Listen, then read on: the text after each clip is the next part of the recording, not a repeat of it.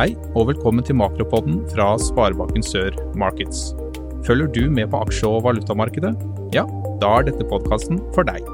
Her får du et overblikk over hva som skjer rundt i verden, hvorfor det skjer, og hvilke konsekvenser det har.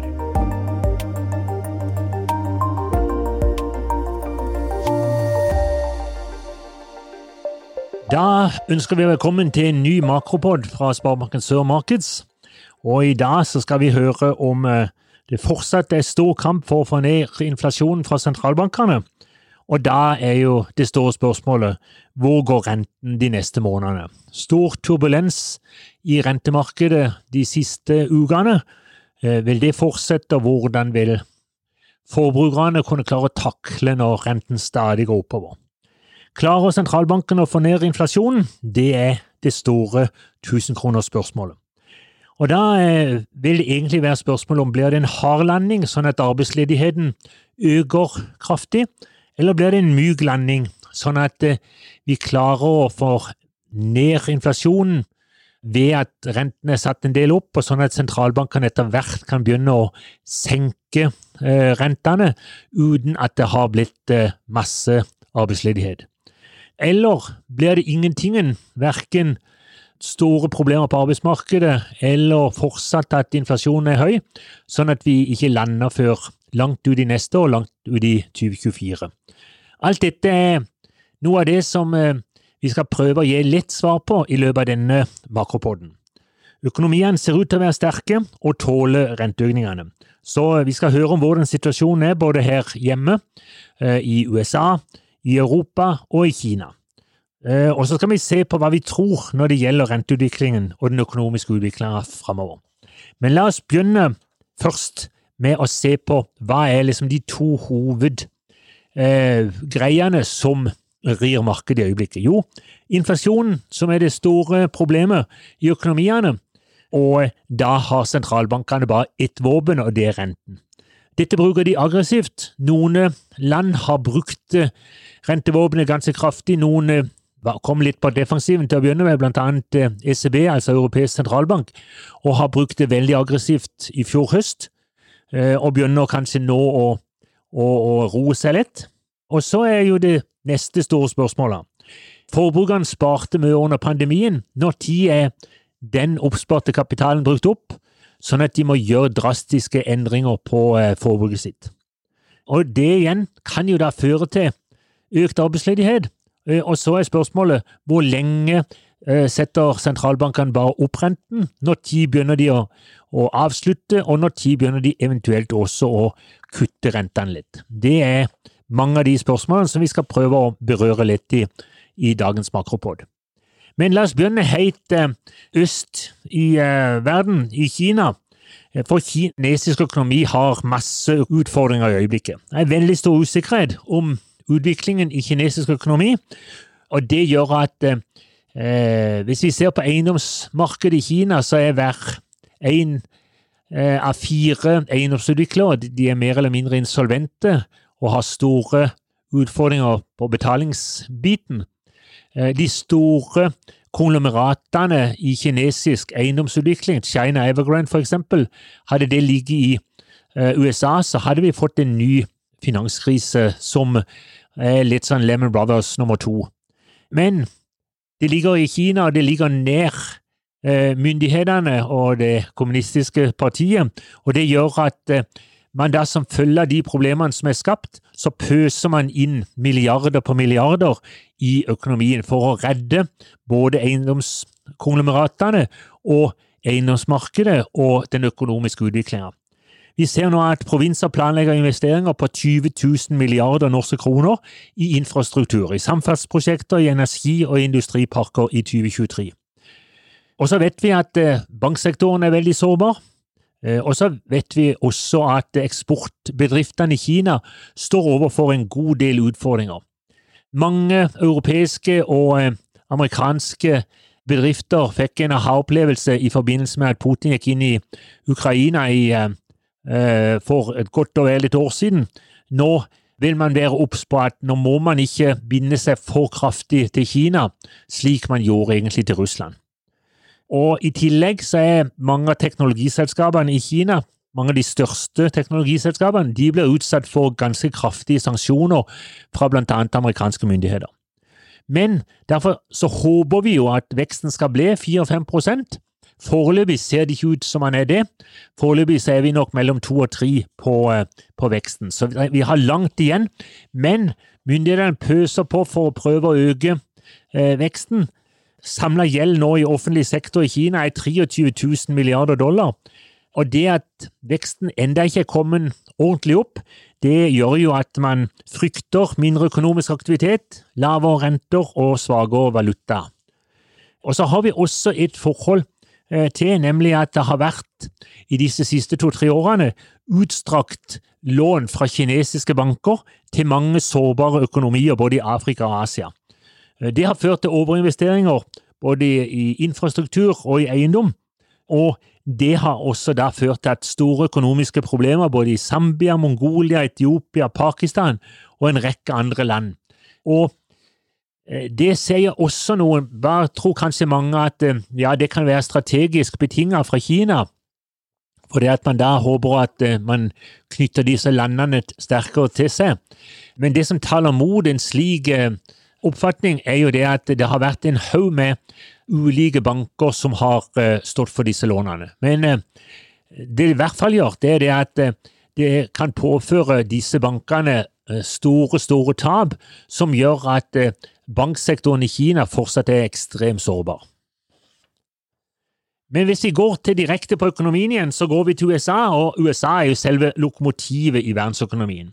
En veldig sterk økonomi skaper stadig nye arbeidsplasser, nesten for mange, og ledigheten er fortsatt på rekordnivåer.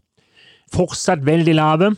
Siste tall på 3,5% det er desidert full sysselsetting, og det tilsvarer 1,7 eh, på eh, statistikken her hjemme. Det som er forskjellen der, det er rett og slett de som er på arbeidsavklaringspenger og forskjellige sånn eh, arbeidsmarkedstiltak. Eh, og det er stor etterspørsel etter kvalifisert arbeidskraft i USA. Så ser vi at inflasjonstallene faller noe, men fortsatt så ligger de jo høyt. 4% løpende inflasjon og kjerneinflasjon på 5,3% Sentralbankrenten er nå kommet opp fra null i eh, januar 2022 til 5,25 nå, 15-16 måneder etterpå. Så eh, nå lot eh, amerikansk sentralbanken Fed være å, å eh, sette opp renten nå i juni.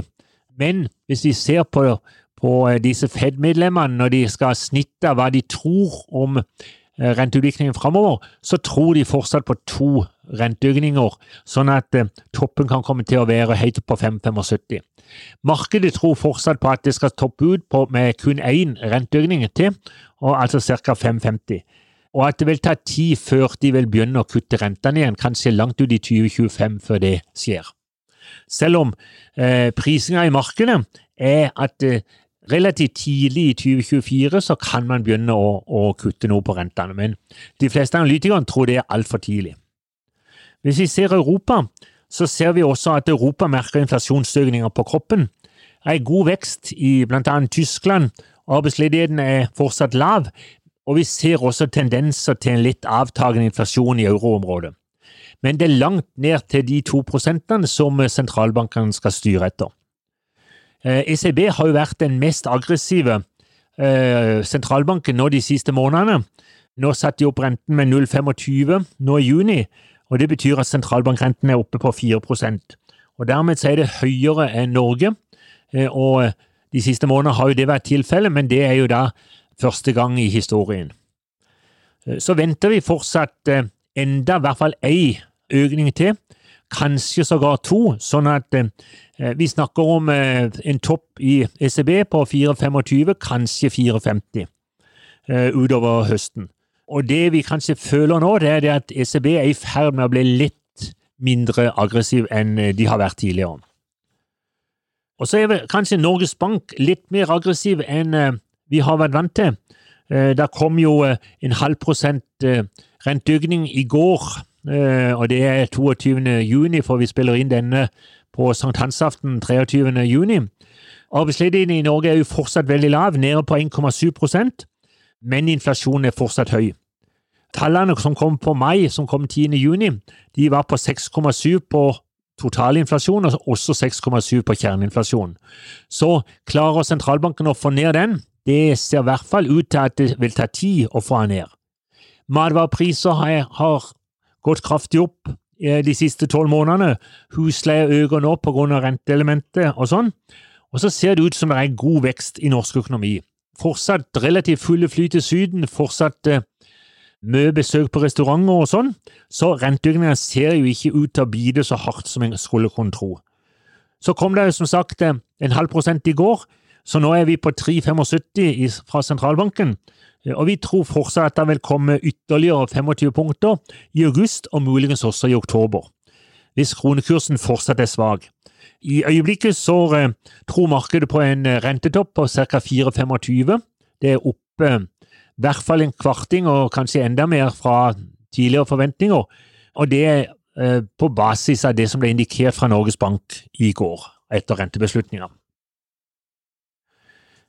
Det er to ting som, i tillegg til inflasjonen, eh, har gjort eh, at Norges Bank må bli litt mer aggressiv. Den ene delen er at lønnsveksten og lønnsoppgjøret nok er blitt litt over det de hadde håpet. Norges Bank hadde en hadde 5,1% i sine anslag. Nå ser du, så kom jo frontfagene på 5,2 eh, og totalt så ser det ut som totalen for lønnsøkninger kan bli rundt 5,5 eh, for dette året. Og hvis lønnsveksten blir for høy, så kan det flytte rentetoppen enda litt høyere. Vi tar også med oss at oljeprisen ligger på sånn rett i underkant av 75 dollar. Har pendla en del ned til 70, opp til 85 hvis vi ser de siste månedene. Og det har også ført til at OPEC OPEC pluss har kutta produksjonen to ganger. Eh, men eh, nettopp etterspørselen etter olje vil være veldig spennende framover. Der vil Kina spille en vesentlig rolle, og ellers hvordan utviklinga går i eh, verdensøkonomien. Vi tror på noe høyere oljepris ut året, basert på at OPEC OPEC pluss kanskje kutter produksjonen enda mer. Den andre biten, som er, har vært veldig viktig for at Norges Bank gikk til det skrittet som de gjorde, eh, å sette opp med en halv prosent, det er den svake kronekursen. Det er virkelig blitt et problem for Norges Bank. Norges Bank selger jo eh, kroner og kjøper utenlandsk valuta på grunn av de kjempestore handelsoverskuddene som vi fikk i fjor. Og det isolert sett er med på å svekke norske kroner. Eh, så ser vi jo at handelsoverskuddene er blitt betydelig lavere nå. Eh, sånn at eh, når vi kommer utover høsten, så tror vi jo at de beløpene som eventuelt skal selges, blir betraktelig lavere. Og det kan sågar føre til at vi er tilbake igjen sånn som vi opplevde i 2021, nemlig at Norges Bank faktisk må kjøpe kroner og selge valuta. Men vi ser at Svak norsk krone gir ekstra prisstigningsimpulser. Krona er ca. 10% svakere enn det Norges Bank hadde i sine prognoser. Og det isolert sett trekker rentebanen oppover. Det står for uh, mye av grunnlaget for at Norges Bank hever med 0,5 nå i juni. Uh, Ca. Uh, 50-60% av grunnlaget for den hevinga av rentebanen som vi så, det kan tilskrives den svake valutakursen. Hvis vi ser på de lange rentene, eh, så ser vi jo at de også har kommet veldig godt opp eh, i det siste. De siste ukene. Etter at vi eh, falt jo mye i forbindelse med bankuroen for et par måneder siden. Nå er eh, igjen inflasjonskampen desidert i fokus. Femårssikring nå på over 4% 4,04. Tiårssikring på 3,72 og tre måneders Nibor er nå på 4,31. Så tror vi at likviditeten blir strammet etter hvert, og at eh, tre måneders vil trekke seg gradvis oppover. Også det i takt med de renteøkningene som kommer fra Norges Bank. Så muligens vil toppen være 44-54, Det kan jo faktisk også komme til å komme enda høyere fram mot slutten av 2023. Her hjemme så forventer vi altså som sagt én til to renteøkninger eh, videre i 2023, og at eh, toppen vil ligge på ca. 4,25. Hvordan da renteøkningene nå eh, vil bite eh, fra seg økonomien, det er jo det store spørsmålet. Hvordan vil det eh, implisere på arbeidsmarkedet? Hvordan vil det føre til fortsatt ytterligere lønnsvekst og krav til lønnsvekst? Hvordan vil det slå ut på forbruket, og hvordan vil da totalt inflasjonsutviklinga bli de neste månedene? Det vil være avgjørende for hvordan Norges Bank vil måtte agere i andre halvår 2023 og første halvår i 2024. Foreløpig så ser vi få tegn til at renteøkninga har gitt den ønskede innstrømmingseffekt, men vi er fortsatt spente på når dette vil inntreffe. Det var stort sett eh, det vi hadde i makropodden i dag. Og i dag hørte vi om at det fortsatt er inflasjon og renter som rir de fleste markedene. Inflasjonen kommer nedover, men fortsatt så er det langt igjen til nivået som tilsvarer sentralbankenes mandat på 2 og Derfor så kjemper sentralbankene en hard kamp med å få ned inflasjonen. Så spørs det, som sagt, om det blir en eh, hard landing, en myk landing, eller at ikke vi lander i det hele tatt før langt ut i 2024. Og Vi hørte om hvordan situasjonen er både i USA, i Kina, i Europa og her hjemme i Norge. Og så så vi på hva vi tror om når det gjelder renteutviklinga og den økonomiske utviklinga framover. Det var alt fra eh, Makropodden til Sparebanken Sør i dag. Da høres vi igjen eh, rett over sommeren, og vi ønsker alle våre lyttere en god sommer. Takk for nå. Du lyttet nettopp til Makropodden fra Sparebanken Sør Markets. Hver måned vil vi gi deg innsikt i hva som skjer i verden, samt hvordan det påvirker økonomien vår.